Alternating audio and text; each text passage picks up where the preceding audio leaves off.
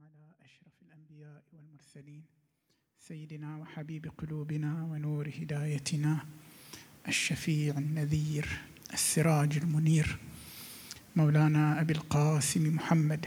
اللهم صل على محمد وآل محمد. وعجل فرجهم يا كريم.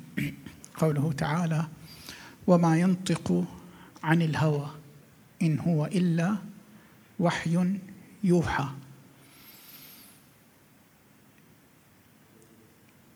الكلام عن المهام التي أرسل الله بها نبينا محمد صلى الله عليه وآله إلينا نحن بني آدم.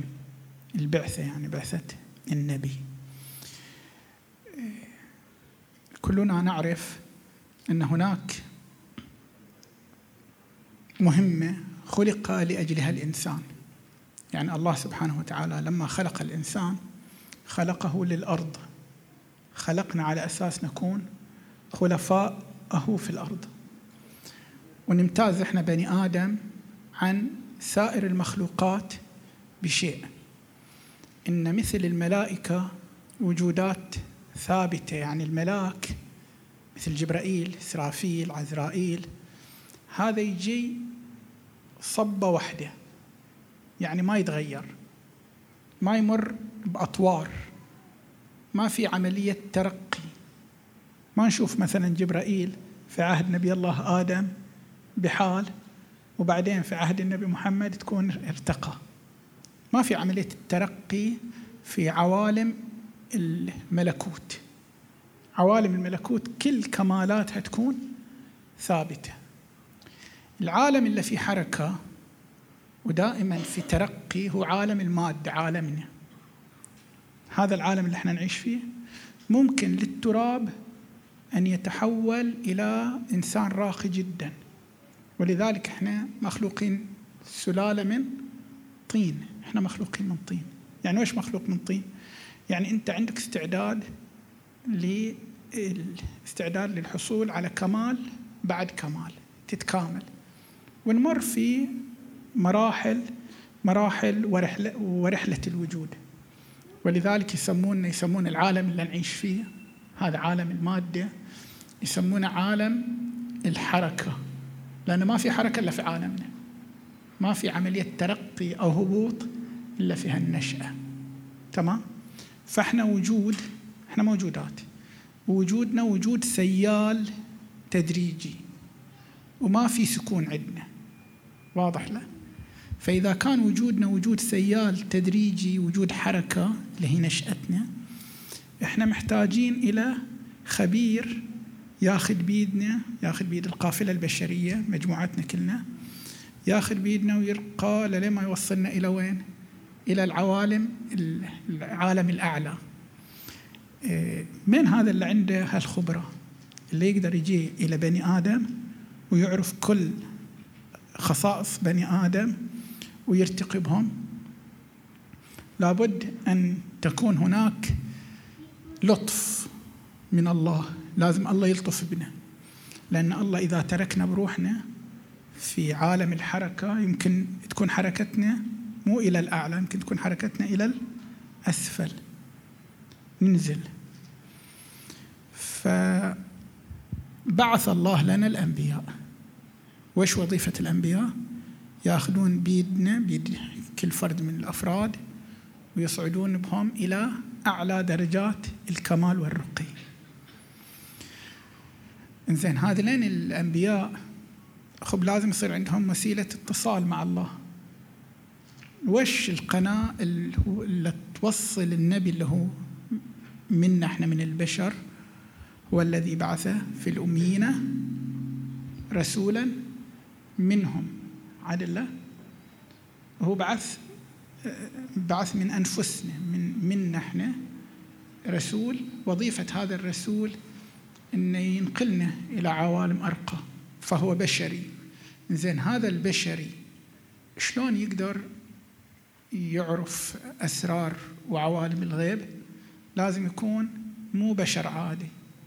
لازم يكون بشر عنده قناة تواصل مع الله. وش هذه القناة؟ شلون يتواصل هذا البشري مع الله؟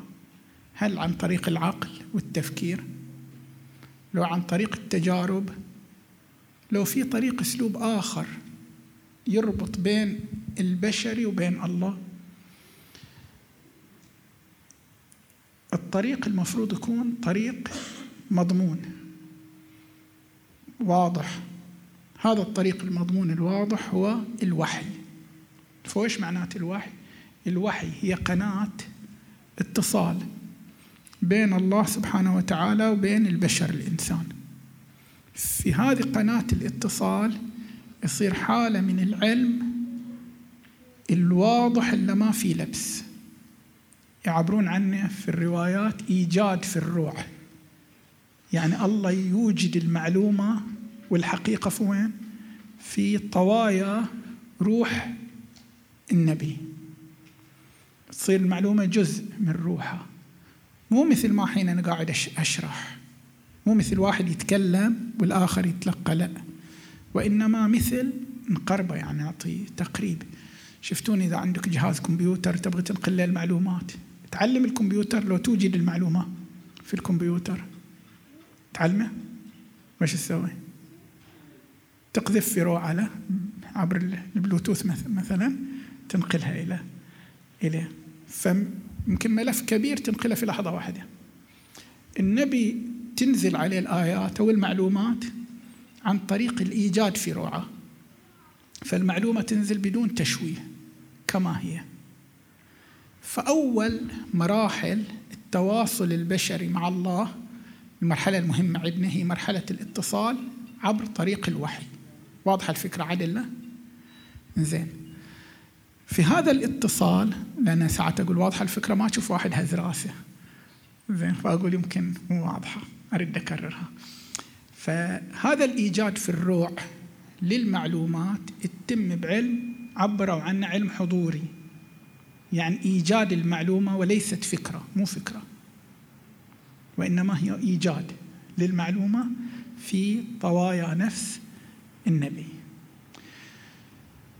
الآن النبي التقى بجبرائيل مو لازم جبرائيل. قد يوجد الله المعلومة مباشرة مثل في رحلة فكان قاب قوسين أو أدنى يمكن الله مباشرة. ممكن الوحي وممكن في نوم في طرق مختلفة. الله أوجد المعلومة في قلب النبي الخاتم مثلا أو أي نبي النبي. الآن هذه المعلومة المفروض النبي ينقلها لمين؟ إلينا. طريق نقل المعلومة من ال... من النبي إلينا لازم يكون أيضا في أمن يعني أمين طريق أمين. يعني المعلومة بالضبط اللي وصلت للنبي لازم بالضبط توصل إلينا. شلون بتوصل لنا المعلومات اللي الله سبحانه وتعالى أوجدها في روع النبي؟ عن أي طريق؟ طبعا النبي ما بيقعد وبيسوي عملية تخاطر ذهني. وبينقل المعلومات عن طريق التخاطر الذهني. يعني ما بيقعد النبي يوجد المعلومة في روعك. وش الطريقة؟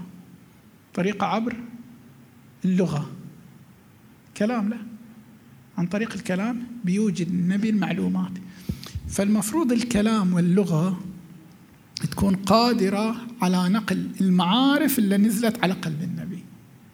المفروض تكون اللغة غير قاصرة غير محدودة. هذا ولد إشكال. ولد إشكال عند بعض المفكرين. وإيش قال؟ قال إن المعلومات إذا توصل من الله إلى النبي هي إلهية. إلهية المعلومة. ليش؟ لأن الله لا مو محدود مطلق. وإذا كان مطلق فما يصدر منه يجب أن يكون مطلق فتنزل المعلومات بشكل مطلق. لكن من توصل إلى النبي محمد وش يصير فيها؟ يقول تصير محدودة لأن النبي محمد بشر والبشر محدود. فالآية القرآنية تجاوبه. الآية القرآنية تجاوب هذا الشخص تقول لا ينطق عن الهوى. واصلا هذه فكرة إن المعلومة تصدر من الله مطلقة وتصل إلى النبي مقيدة فبالتالي المعلومات اللي إحنا ناخذها من النبي معلومات إنسانية بشرية. هذه الفكرة كلش خطيرة. ليش؟ ومو صح. لأنها كأنما تقول أن الله سبحانه وتعالى ما عنده وسيلة لإيصال أغراضه إلى البشر إيصال تعاليمه إلى البشر. لأن أي وسيلة يبغى يوصلها الصادر من الله العلم اللي يصدر من الله مو هو العلم اللي يوصل إلى البشر. أعطيكم مثال للتوضيح. افترض ان إحنا عندنا أطفال في الصف الأول ابتدائي. عدل؟ وهذا الطفل اللي في أول ابتدائي أنا أبغى اسويه بروفيسور. أبغى أتعب عليه لين ما يصير مختص وخبير. مثلا خبير في الرياضيات. يصير وهو في صف أول ابتدائي أجي وأشرح له التفاضل والتكامل والاحتمالات والهندسة الفراغية يصير؟ ممكن. مباشرة أجي أعطيه كل المعلومات الصعبة. ممكن. لو لازم المعلومة اللي أوصلها إليه تناسب المرحلة اللي هو موجودة فيه. إحنا البشر نقول هدفنا المتعلم أن يتعلم الهدف مو أن أعلم. الهدف أن يتعلم. فإذا الهدف أن يتعلم بجيب المعلومات الكبيرة بنزلها بأمانة إلى الطفل. لأن كبر بعطيه معلومات أزين لأن صعد بعطيه معلومات أزين. ففي عملية ترقي في نقل المعلومة. لكن اللي يوضع المنهج اللي يخطط للعلم وهو اللي يقوم بعملية الترقي. فالقول بأن العلم إذا يوصل من الله إلى قلب النبي يكون في أمان وإذا يوصل من النبي إلى أن يكون بشري مو مقدس ومحدود ومو دين أصلا فهم ديني. هذا هذا قول خطير لأنه يخلي الله سبحانه وتعالى غير قادر على أن يوصل معلوماته إلى إلى نحن كبشر. لذلك الله يجاوب عليه وما ينطق عن الهوى. إن هو إلا وحي يوحى. يعني العلم الصادر من الرسول هو العلم الواصل إلينا. تقولون تمام إذا العلم الصادر من الرسول وهو العلم الواصل إلينا إحنا نشوف مو كل المعارف مال الرسول وصلتنا. خلنا نعطي تفريع آخر تفريع جديد. لأن أنا أبغى أتكلم عن الشريعة في الواقع. تفريع جديد وبيان جديد. إحنا عندنا في الدين ثلاثة أمور كلش مهمة. عندنا أمر يسمونه الشريعة. يعني وش الشريعة؟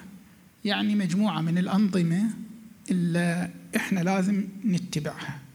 نظام قوانين. هذه يسمونها الشريعة. هي تشكل القلعة اللي إذا يخرج منها الواحد يكون مو محمي. هي تشكل القشرة اللي تحمي اللب. هذه يسمونها شريعة. مثل الصلاة. من الشريعة مثل الصيام من الشريعة الحج من الشريعة مثلا الحجاب من الشريعة. إذا أنت طلعت خارج الشريعة أنت صرت بدون درع ما في درع يخدمك. فأول إطار من أطر الدين هو الشريعة هي الأحكام التعاليم اللي ينزلها الله على قلب النبي تمام؟ من أجل تنظيم حياة حياتنا إحنا البشر. نسميها ويش شريعة فقه. هذا إذا خالفت الفقه أنت تصير مو في أمان مو مأمون. الشياطين خارج قلعة الشريعة موجودين يترصدونك. فمن تطلع شوي خارج إطار الشريعة يجي الشيطان يختطفك. يختطفك. يعني وش يختطفك؟ يعني خليك تسوي ذنوب ومعاصي. يعني بعدك عن الله يستدرجك. فمن نطلع من حدود الشريعة إحنا في خطر. من تدخل داخل الشريعة تكون في أمن. فأول جزء يحيط يجيب النبي إلينا الشريعة. المهمة الثانية عند النبي عملية التربية والتزكية. أعطانا أحكام وفقه وكل شيء. لكن في داخل في نفس. وهالنفس عندها رغبات وغضب وشهوات وانفعالات. وتحتاج إلى عملية تضبيط. تربية لذلك ويزكيهم. عملية التزكية. وش الغرض من التزكية؟ الغرض أنه يحفر بعمق يحفر بعمق للين ما يوصل إلى جوهر ذاتك إلى كينونتك. وش جوهر الذات؟ وش موجود في الداخل كلش؟ فوق قلنا قشرة عدل سلوك. وبعدين قلنا عملية انفعالات وتربية وضبط. اللي هو الطب الروحاني يسمونه تمام؟ طريقة يعني طريقة إنه ياخذ النبي ويسلك بك في حفر في العمق في عمق البشر من أجل الوصول إلى شيء، وش هذا الشيء اللي يوصل اليه؟ يعني في عملية تقشير للإنسان يشيلون الأثقال والأغلال والقيود والحجب على أساس يوصلون إلى الجوهر النقي في الإنسان. تسألني وش هذا الجوهر النقي الموجود فينا؟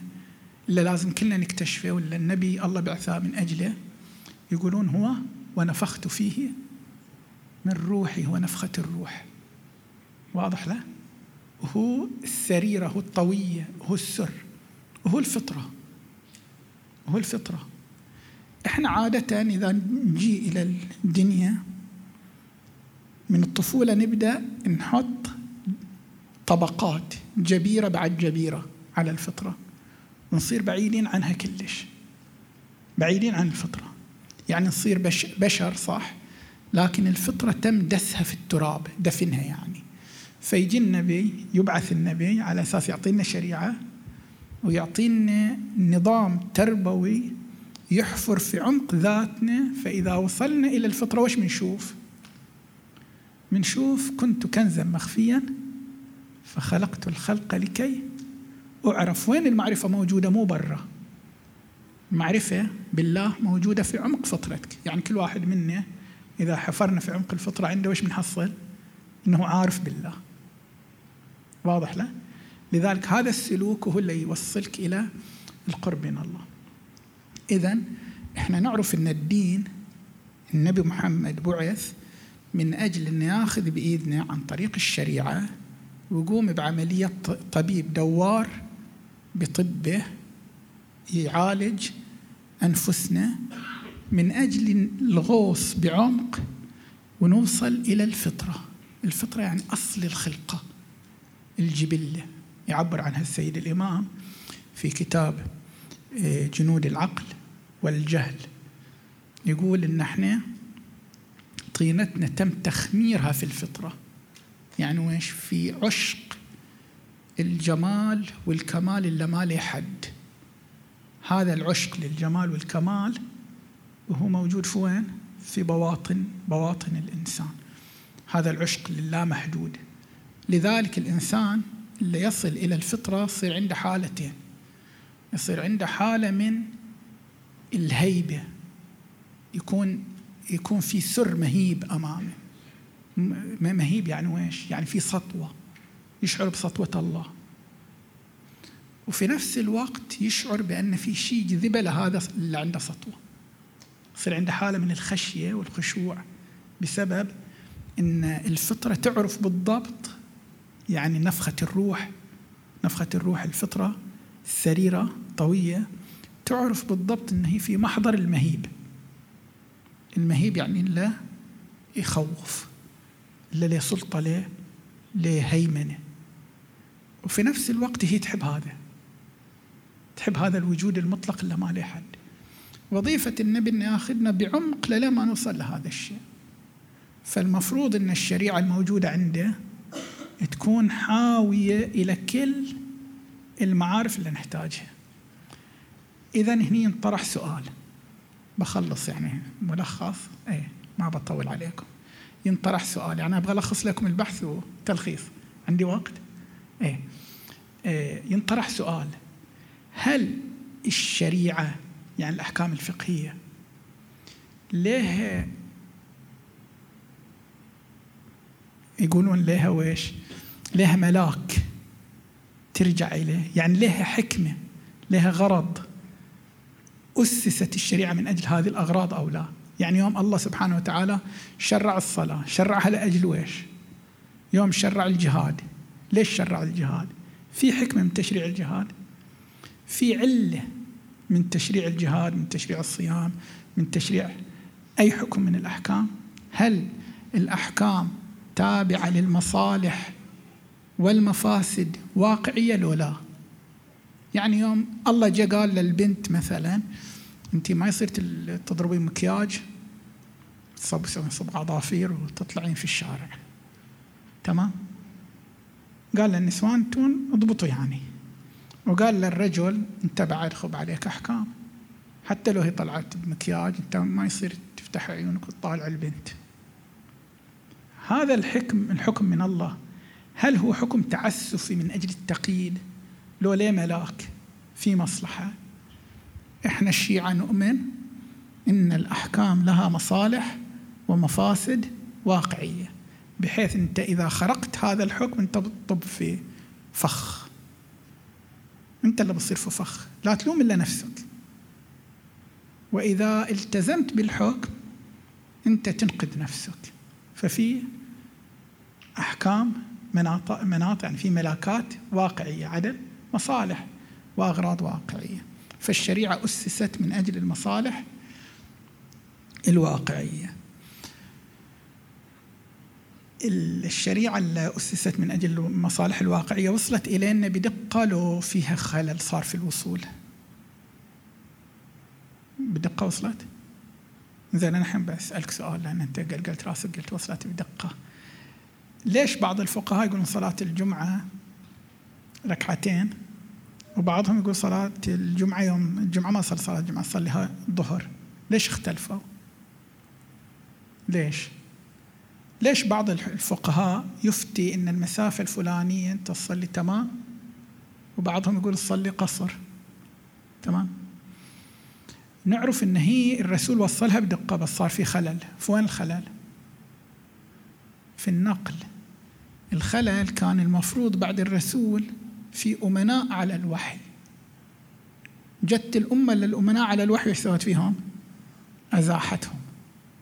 فيوم أزاحت الأمناء على الوحي صار في عملية تشويه إلى المعارف. فاختلط اختلطت الحقيقة بغير الحقيقة. عدل له فجينا نبغى نعرف الأحكام. شفنا أوه في أشياء كبيرة تخلينا ما نعرف الأحكام.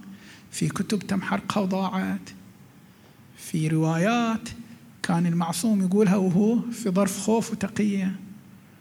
واضح له في عملية وضع وضع تكذيب ناس يوضعون معلومات فضع عنا جزء من الحقيقة صرنا مساكين إحنا ضعنا.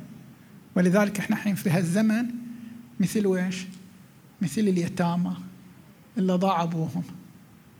يعني الامام الحجة المفروض وهو اللي يراعينا إحنا مثل اليتامى اللي ضايعين. مين اللي يحمينا؟ الإخوة الكبار يعني المراجع. لأن الإمام مو موجود الأبو مو موجود إخواننا الكبار هم اللي يهتمون برعايتنا اللي هم مراجع الدين اللي هو وصاهم علينا. وأما من كان من الفقهاء آه، حافظا لنفسه مخالفا لهواه مطيع مطيعا لأمر مولاه فعلى العوام أن يقلدوه فصار عندنا نوعين من الأحكام. في حكم ظاهري وفي حكم واقعي. الحكم الواقع هو اللي يناسب جوهر الشريعة وحقيقتها. الحكم الظاهري الغرض منه سلوكي. سلوكي يعني أنت إذا مشيت على الحكم الظاهري بتحصل منفعة بس مو منفعة الحكم الواقعي. يعني أنا إذا جيت يوم الجمعة جيت يوم الجمعة وبدل ما أصلي صلاة الظهر صليت صلاة الجمعة. صلاة الجمعة ركعتين.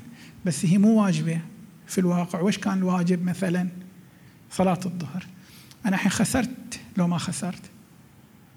خسرت الحكم الواقعي. هل تم تعويض خسارتي للحكم الواقعي لو ما تم تعويضها؟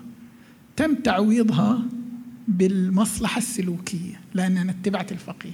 فالله يقول هذا العشرة دينار اللي خسرتها هني أنا أعوضك إياها من طريق ثاني. يصير عملية تعويض باتباع الفقيه. فهذا يسمونها حلو يعني الحكم الظاهر ياخذ مصلحة الحكم الواقعي. طبعا هذا عقيدتنا إحنا مين؟ إحنا الشيعة آه الجماعة الثانيين عندهم آه إن الأحكام اللوح المحو لوح الشريعة خالي ما في شيء. خالي. بعض العلماء يعني منهم. لوح الشريعة خالي. ما في مصالح. إذا الفقيه صار في باله مصلحة وابتكر حكم مثلا بناء على طرقه في الاستنباط يقوم الله وش يسوي؟ يكتب شيء في اللوح المحفوظ. فالشريعة تابعة لمين؟ تابعة لذهن الفقيه. لذلك يمكن يجي اليوم فقيه يقول يجب كذا. تمام؟ وإحنا كلنا نتبعه. اتبعنا الشريعة أو لا؟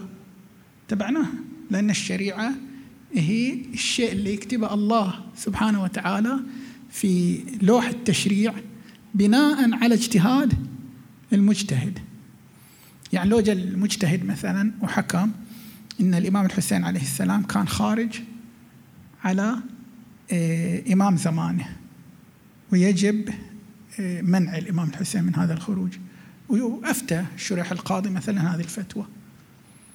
خرج على دين جده فيقتل بسيف بسيف جده بسيف الشريعة يعني. هذا يكون حكم شرعي أو غير حكم شرعي؟ هم يقولون حكم شرعي. زين لو جاء فقيه بعدين ثاني وقال له هذا كان غلط. والمفروض الحين إحنا نبدأ يعني نخطئ. يقول لا ما كان خطأ. هذا صح وذاك صح؟ اثنينهم صح. فسموا هالمجموعة اللي عندهم التشريع تابع لاجتهاد الفقيه سموهم مصوبة. مصوبة. وسمونا إحنا الشيعة إن إحنا مخطئة. يعني نقول يمكن يخطئ الفقيه في اجتهاده. زين خطأ الفقيه في اجتهاده يمنعك من التقليد؟ لا. ما يمنعك. بس نقول هذا الحكم اللي وصل إليه مو صحيح. واقعا. ولكن في مصلحة في اتباعه. مصلحة سلوكية. فعلى هالأساس نشوف الأمة انشقت لقسمين. قسم أراد المحافظة على أمانة الوحي منذ صدوره من الله للين ما يوصل إلينا نحن. يكون الوحي محفوظ وما يتدخل العنصر البشري في تغيير الوحي. وهذا يحتاج إن يكون هناك أمين على الشريعة في كل زمان. مو يموت صاحب الشريعة وتموت معاه الشريعة. فدائما موجود المعصوم وهو عقيدة الشيعة. وهذه عقيدة الشيعة أوصى بها النبي صلى الله عليه وآله. أوصى بها النبي في حديث إني تارك فيكم ثقلين ما إن تمسكتم بهما لن تضل بعدي. وأوصى بها في يوم في رزية الخميس. رزية الخميس حينما قال ائتوني بكتف ودوات أكتب لكم كتابا لن تضلوا ومن يوم منع تدوين هذا الكتاب إلى اليوم الأمة انقسمت. قسمين. قسم من عرف محتوى الكتاب الذي يريد أن يكتبه النبي وهو الوصية لأمير المؤمنين عليه السلام علي بن أبي طالب وأولاده بالإمامة واتباعهم كما حصل في الغدير وكما حصل في كثير من المناسبات. وقسم آخر تنكر للوصية فانشقت الأمة. وأصبحت أخطر مسألة واجهت الأمة وأكثر المسائل عليها فتن مسألة الإمامة من يكون هو؟ الإمام. أسأل الله سبحانه وتعالى أن يحشرنا جميعا في ولاية أمير المؤمنين عليه السلام وأن يجعلنا من المتمسكين بالثقلين. الكتاب والعترة إنه على كل شيء قدير وصل اللهم على محمد وآله الطاهرين.